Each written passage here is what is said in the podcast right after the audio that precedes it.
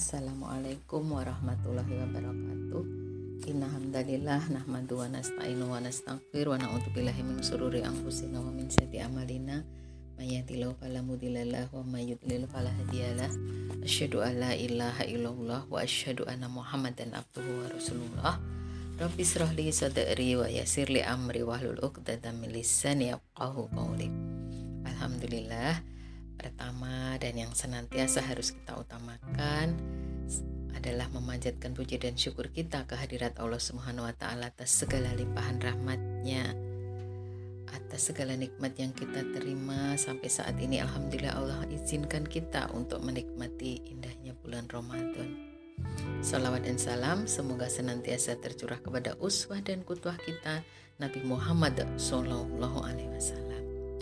Mbak-mbak yang dirahmati oleh Allah mudah-mudahan masih tetap bersemangat gih di detik-detik akhir Ramadan yang sudah akan meninggalkan kita semua. Terima kasih atas kesempatan yang diberikan kepada saya uh, untuk kembali bertemu dengan mbak-mbak semua dalam uh, forum kajian. Alhamdulillah, mudah-mudahan nanti apa yang saya sampaikan ada manfaat yang bisa dipetik tema yang diminta oleh panitia adalah tentang perang Badar gitu ya. Subhanallah ini satu tema yang berat gitu ya Mbak ya. Tema yang berat tetapi ibrohnya pelajaran yang bisa diambil sungguh sangat luar biasa. Semua pasti tahu gitu nggih, apa itu perang Badar gitu. Perang Badar itu adalah perang yang sangat uh, kisahnya itu penuh dengan heroik gitu ya kalau zaman sekarang gitu ya kalau ada mau lihat uh, itu banyak di film-film gitu ya. Di film-film itu banyak sekali gitu ya via YouTube sekarang juga bisa gitu ya. Nanti apa sih sebenarnya yang ingin kita ambil uh, pelajaran atau hikmah dari perang Badar ini? Marilah kita sejenak uh, berkilas balik gitu ya pada berbagai peristiwa yang terjadi di bulan Ramadan yang penuh dengan keberkahan. Harapannya adalah ketika kita mempelajari dan mengamati peristiwa ini kita akan mendapatkan banyak hikmah. Peristiwa besar salah satunya yang terjadi di bulan Ramadan adalah Perang Badar. Perang Badar ini ada beberapa cerita dari beberapa yang pernah saya baca itu terjadi di hari ke-17 di bulan Ramadan. Saking hebatnya peristiwa ini, Allah itu memberikan nama sebagai Yaum Al-Furqan, yaitu hari pembeda. Kenapa? Karena pada waktu itu Allah menurunkan syariat Islam, di mana tujuannya adalah hendak membedakan antara yang hak dan yang batil. Jadi, di sini Allah mengangkat derajat kebenaran dengan jumlah kekuatan yang sangat terbatas. Nggih. Mungkin jadi ingat ceritanya gitu ya. Ini karena apa menjadi peristiwa yang besar? Karena di sini kaum muslim itu bisa mengalahkan bisa mengalahkan kaum musyrik padahal secara kekuatan sangat-sangat beda jauh. Ya. Jadi di sini memang Allah ingin menunjukkan gitu ya. Ketika kekuatan itu tidak seberapa, tetapi di sini Allah menunjukkan bahwa yang benar itu pasti ditolong oleh Allah. Jadi sungguh sangat disayangkan kalau kita sampai tidak mau mempelajari dan tidak mau mengingat sejarah ini. Latar belakang pertempurannya juga sudah sangat uh, sering kita tahu gitu ya bahwa uh, sebenarnya di sini kaum muslim itu bukan kok kemudian untuk mengambil bukan untuk uh, ini ya perang ini ditujukan adalah untuk mengambil haknya jadi kaum muslim itu menyerang bukan semata-mata tanpa alasan gitu ya, tetapi sebenarnya ingin mengambil haknya gitu ya. Jadi ketika kaum muslim itu hijrah ke Madinah, maka harta-harta yang ditinggalkan di Mekah itu diambil oleh kaum Quraisy gitu. Ya. gitu. Jadi ceritanya ingin mengambil kembali haknya dan itu diperbolehkan oleh Allah. Itu diperbolehkan oleh Allah. Dan Rasulullah juga uh, mengiyakan gitu ya. Dan di sini justru Rasulullah memimpin sendiri, ya, memimpin sendiri uh, perang Badar tersebut. Ya. Beliaulah yang memandoi. Ya.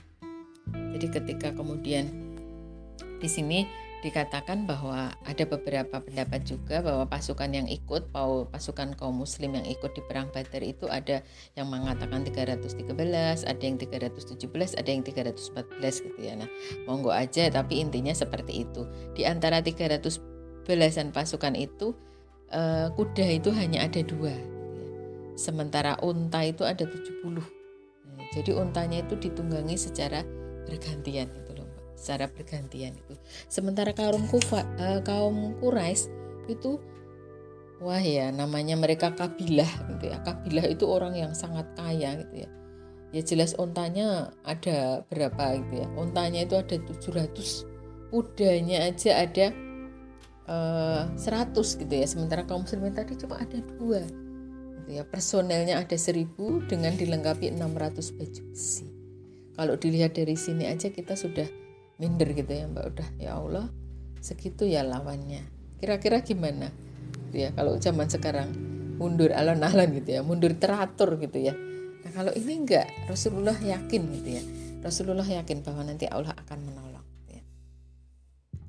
itu udah di dalam perang Badar ini banyak pelajaran gitu ya mbak ya. Bahwa di sini Rasulullah itu cerdas gitu ya. Rasulullah punya strategi yang bagus di dalam perang Badar ini ya. Dengan kekuatan yang minimalis, tetapi Rasulullah punya strategi yang jitu. Dan ini eh, Allah eh, Rasulullah ambil itu bukan semata-mata kok eh, ini loh, enggak gitu, tetapi mendengarkan pendapat para sahabat. gitu ya. Jadi waktu itu ketika Rasulullah menentukan posisi, oh nanti kita akan di sini saja. Itu ternyata kemudian ada seorang sahabat bertanya, "Ya Rasulullah, eh, apakah ini dari wahyu ataukah ini hanya sekedar strategi gitu kan?" Kemudian Rasulullah menjawab, ini semata hanya strategi. Kalau strategi, bolehkah saya berpendapat gitu ya? Kemudian sahabat tadi berpendapat dan ternyata kemudian diikuti oleh Rasulullah. Oh, kalau begitu kita pindah gitu ya. Akhirnya uh, markasnya uh, kaum muslimin pada saat perang Badar itu adalah di dekat sumber mata air. Gitu ya. Dekat sumber mata air itu. Itu satu ternyata itu satu poin kemenangan tersendiri dalam strategi perang. Gitu ya. Pada saat itu e, bulan puasa. Nah, seperti itu. Itu satu pelajaran yang bisa diambil. Jadi Rasulullah itu mengakomodir pendapat para sahabat gitu ya. Tidak kemudian kayak saya pemimpin maka kalian harus begini tidak. Gitu ya. Mendengarkan dan ketika itu baik maka itu kemudian diakomodir. Ya. Jadi itu seperti itu ya. Itu pelajaran yang bisa kita ambil dari perang Badar salah satunya adalah itu. Kemudian di situ uh, kita disadarkan juga gitu ya bahwa kemudian akhirnya Allah memberikan kemenangan itu adalah karena apa? Karena kekuatan doa yang luar biasa. Kekuatan doa yang luar biasa yang Allah uh, sampai mungkin malu ketika tidak mengabulkan ketika Rasulullah meminta.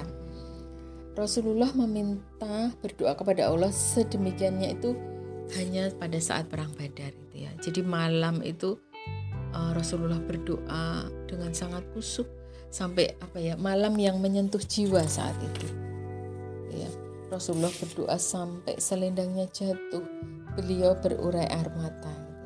Sampai Abu Bakar yang menyaksikan itu sudah mengatakan e, cukup ya Rasulullah cukup gitu ya. itu karena di situ uh, Rasulullah sampai mengatakan ya Allah jika engkau berkehendak engkau tidak uh, jika engkau berkehendak bahwa orang kafir menang, maka engkau tidak akan disembah, gitu ya. Ya Allah, jika pasukan yang kecil ini engkau binasakan pada para ini, maka engkau tidak akan disembah. Sampai seperti itu. Maksudnya adalah memang itu karena awal mulanya peperangan. Kalau sampai kemudian kaum muslimin kalah, maka maksudnya adalah tidak ada lagi yang meneruskan dakwah. Sampai seperti itu Rasulullah berdoa. Dan kemudian Allah benar menurunkan pertolongannya pertolongannya adalah para malaikat gitu ya. Dan kemudian esok harinya Rasulullah itu sudah tahu gitu ya Mbak bahwa nanti uh, orang ini akan mati di sini, orang akan orang ini akan mati di sini, orang ini akan mati di sini itu adalah sudah mendapatkan petunjuk bahwa kemenangan itu akan ada di hadapan kaum muslim. Dan itu akan menjadi semangat kemudian kaum muslim untuk maju gitu ya, untuk maju berperang. Jadi mereka sudah yakin gitu ya bahwa kemenangan itu ada pada pihaknya gitu karena Rasulullah sudah mendapatkan petunjuk gitu ya. Nah, seperti itu. Jadi kekuatan doa itu luar biasa sekali. Jadi jangan pernah meninggalkan doa dalam setiap ikhtiar-ikhtiar kita. Justru diutamakan. Itu kan Rasulullah berdoa dulu baru besok paginya berperang gitu ya. Jadi kadang kita suka kembali gitu ya. Setelah berikhtiar maksimal ya kita berdoa. Setelahnya tawakal enggak begitu gitu ya. Kita justru berdoa dulu sebelum menghadapi sesuatu di esok harinya. Itu insya Allah kemudian maka Allah benar-benar akan menolong. Itu itu ibroh yang kedua gitu ya. Jadi kekuatan doa itu menjadi satu hal yang utama. Jadikan ia senjata utama. Gitu ya. Yang ketiga adalah marilah kita senantiasa mengindahkan niat kita, meluruskan niat kita di dalam peperangan tadi.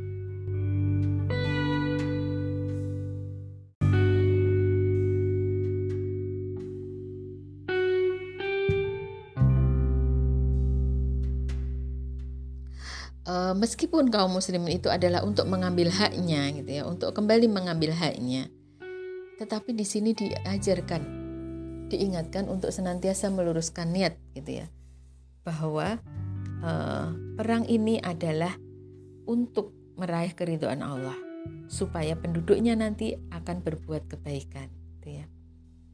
Itu. Kemudian dari perang Badar ini yang akhirnya memang uh, kemenangan ada di kaum muslimin gitu ya. Di kaum musyrik itu yang tewas itu ada tujuh puluhan. Uh, dan mereka di antaranya adalah para besar gitu ya. dan kaum muslimin dimenangkan ini adalah karena ibrah yang ketiga yang keempatnya gitu adalah ketika kita mengutamakan urusan Allah maka Allah akan menolong kita. Di dalam perang itu uh, yang diutamakan adalah urusannya Allah jadi berdoa dulu. Malam itu berdoa dengan husuk gitu ya, urusannya Allah dulu gitu ya. Kemudian maka Allah akan memudahkan urusan-urusan kita di yang lainnya. Kalau tidak mengutamakan urusan Allah, misalnya ini ya, misalnya ini contohnya sekarang aja gitu ya. Ketika ada banyak hal yang sementara harus kita kerjakan, kemudian kita utamakan itu, kita tinggalkan urusan yang ada hubungannya dengan Allah, maka biasanya urusan itu juga tidak akan kelar dengan sempurna. Ya, jadi monggo kita utamakan urusan uh, yang berhubungan dengan Allah dulu. Ya.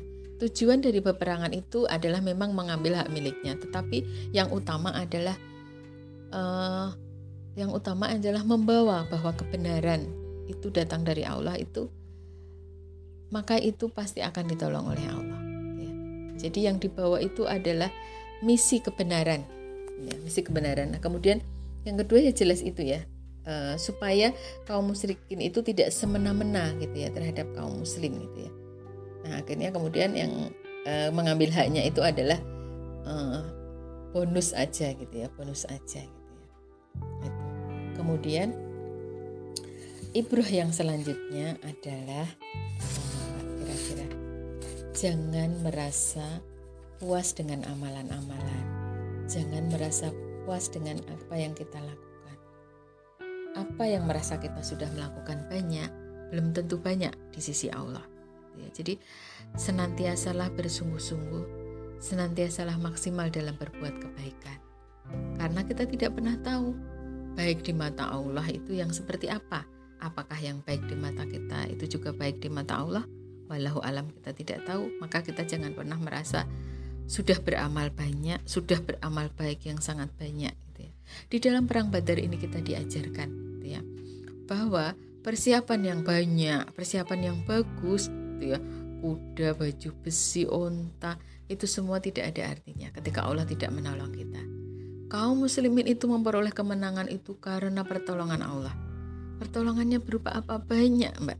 Banyak gitu ya banyak. Pada saat bulan Ramadan itu uh, kaum muslimin itu karena perjalanan dari Madinah menuju Badar itu uh, waktu itu diturunkan hujan yang sangat lebat gitu ya.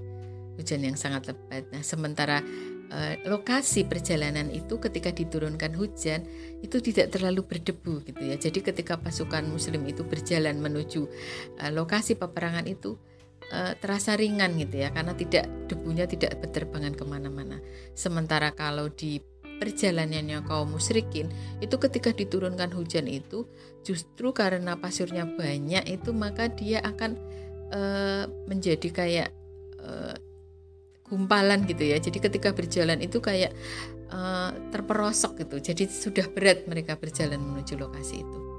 Kemudian pada malam harinya itu Allah turunkan rasa tenang di dalam para kaum hati kaum muslimin. Ketenangan itu membuat mereka bisa tidur dengan nyenyak. Gitu ya. Bagaimana rasanya kalau tidurnya itu kan esok paginya fresh. Kebalikannya di kaum musyrikin, mereka tidak bisa tidur. Mereka khawatir dengan uh, peperangan esok harinya. Itu. Seperti itu. Pertolongan-pertolongan yang Allah turunkan. Kemudian ada beberapa malaikat, ada ribuan malaikat bahkan yang ikut dalam perang Badar itu. Itu ya. Dan kaum musyrikin ya mereka hanya bersandar pada kekuatannya gitu ya. Seribu orang tadi jadi ketika Allah berkehendak itu segala amalan kita itu nggak ada nilainya. Segala persiapan matang kita nggak ada nilainya. Jadi jangan pernah menyandarkan diri kita kepada usaha kita. Tapi sandarkanlah segalanya kepada Allah. Bahkan kalau bisa meminta uh, sedetik pun jangan pernah gitu ya. Jangan pernah kita ditinggalkan oleh Allah. Gitu ya. Jadi di dalam perang Badar ini uh, banyak sekali contoh tauladannya gitu, heroiknya luar biasa ya. heroiknya luar biasa bagaimana Rasulullah mengatur strategi bagaimana para sahabat ini berjibaku gitu ya berjibaku bergantian uh, naik unta yang hanya 70 sementara pasukan ada 300 gitu ya. Untanya dinaiki bergantian. Seperti itu. Kuda cuma dua dibandingkan dengan 100 seperti apa. Itu ya. Kalau saja karena hitung-hitungan uh, materi persiapan seperti itu sudah jelas kalah gitu ya mbak. Tetapi itu tadi ada Allah yang menolong. Ketika kita mengutamakan segala urusan Allah kita kekuat uh, kita sandarkan kekuatan sepenuhnya kepada kekuatan doa. Orang yang meng, uh, apa ya menyandarkan pada kekuatan fisik, kekuatan pribadi itu sudah dirasuki oleh keangkuhannya iblis gitu ya. Jadi orang-orang Quraisy itu merasa sudah yakin menang dengan jumlah pasukan yang banyak gitu ya, tetapi ketika ya itu semua menjadi tidak ada artinya gitu nih Mbak. Jadi perang Badar ini memang perang besar, perang besarnya kaum muslimin dengan musyrikin. Di situ tadi sudah dikatakan yaumal furqon pembeda. Itu ya pembeda antara yang hak dan yang batil. Bahwa yang benar itu insya Allah pasti akan menang ditolong oleh Allah. Yang salah ya pasti akan kalah gitu ya karena mereka sudah mengambil hak-hak kaum muslimin saat itu mungkin sepintas uh, tentang perang Badar yang bisa saya sampaikan itu nih Mbak karena keterbatasan waktu juga itu sebenarnya kalau ingin cerita lebih serunya itu ya bisa dilihat dari film di YouTube gitu nggih. Ini sekedar uh, gambaran singkatnya dan terutama uh, ibroh yang bisa kita ambil. Jadi bulan Ramadan itu uh, pasukan kaum muslimin itu meraih kemenangan. Enggak ada uh, hubungannya Ramadan itu dengan bermalas-malasan. Ya. Justru torehkan prestasi sebaik mungkin di bulan Ramadan. Karena Ramadan itu secara uh, hati kita lebih bersih, doa-doa insya Allah lebih terkabulkan. Ya. Hati, pikiran semuanya bersih, insya Allah hubungan dengan Allah pasti lebih dekat. Gitu. Maka berprestasilah di bulan Ramadan, jangan sebaliknya. Itu gitu, Ramadan tidak ada alasan untuk tidak berprestasi. Ramadan tidak ada alasan untuk tidak berbuat baik Nggih, mungkin itu saja sedikit dari saya nggih Mbak-mbak tentang perang Badar gitu ya betapa uh, ibrohnya luar biasa. Kita disadarkan kembali bahwa Allah itu tidak akan pernah membiarkan kita ketika kita senantiasa mendekat kepadanya dalam hal apa pun. Kita diajarkan bahwa kelemahan seorang muslim itu bukan kelemahan fisik, tetapi ketika kelemahan